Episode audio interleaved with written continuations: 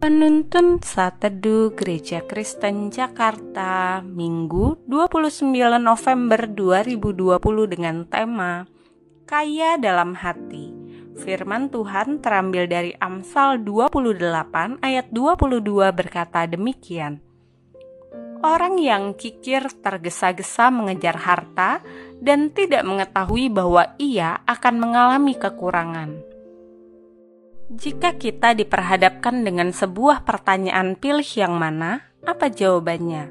Pertama, kaya harta tapi miskin hati, atau kedua, miskin harta tapi kaya hati.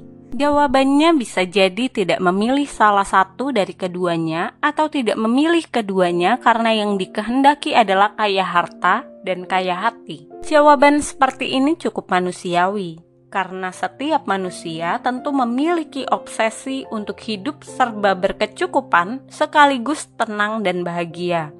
Dengan harta yang dimiliki akan memudahkan seseorang menjadi kaya hati. Ini dapat dipahami jika kaya hati menjadi tujuan hidup, sementara kaya harta menjadi sarana penopangnya.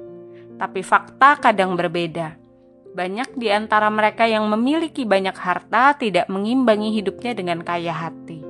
Dalam nas ini dituliskan tentang orang yang mengejar harta namun miskin hati. Terjemahan lain dari nas ini dalam bahasa Ibrani mengatakan orang yang tergesa-gesa ingin mendapatkan kekayaan dengan mata yang jahat namun tidak menyadari bahwa kemiskinan atau kekurangan akan menimpanya. Dengan kata lain, Orang seperti ini akan menghalalkan segala cara untuk mendapatkan kekayaan sebanyak-banyaknya, termasuk dengan cara-cara yang jahat sekalipun. Misalnya dengan korupsi, pungutan liar, manipulasi, dan sebagainya. Semua itu diakibatkan sifat serakah cinta harta yang menguasai pikiran, hati, dan pandangan orang seperti ini adalah kekayaan duniawi.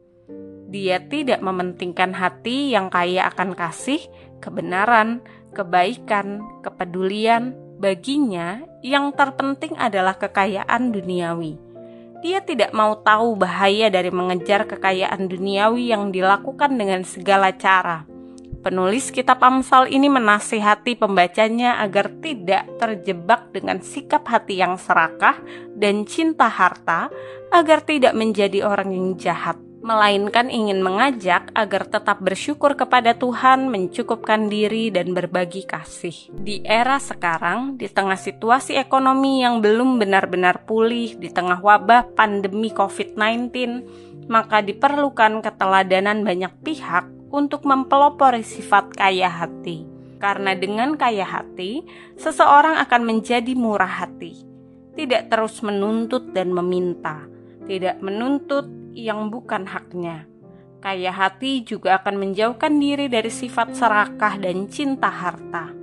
Orang yang kaya hati akan selalu bersyukur kepada Tuhan untuk segala berkatnya, mencukupkan diri, dan berbagi kasih. Ini adalah karakteristik kekayaan hati di dalam Tuhan. Melalui perenungan pada hari ini, kita bersama-sama belajar dari pernyataan Aristoteles yang berkata demikian: belajar tentang pikiran dan ilmu pengetahuan tanpa belajar memperkaya hati sama dengan tidak belajar apa-apa.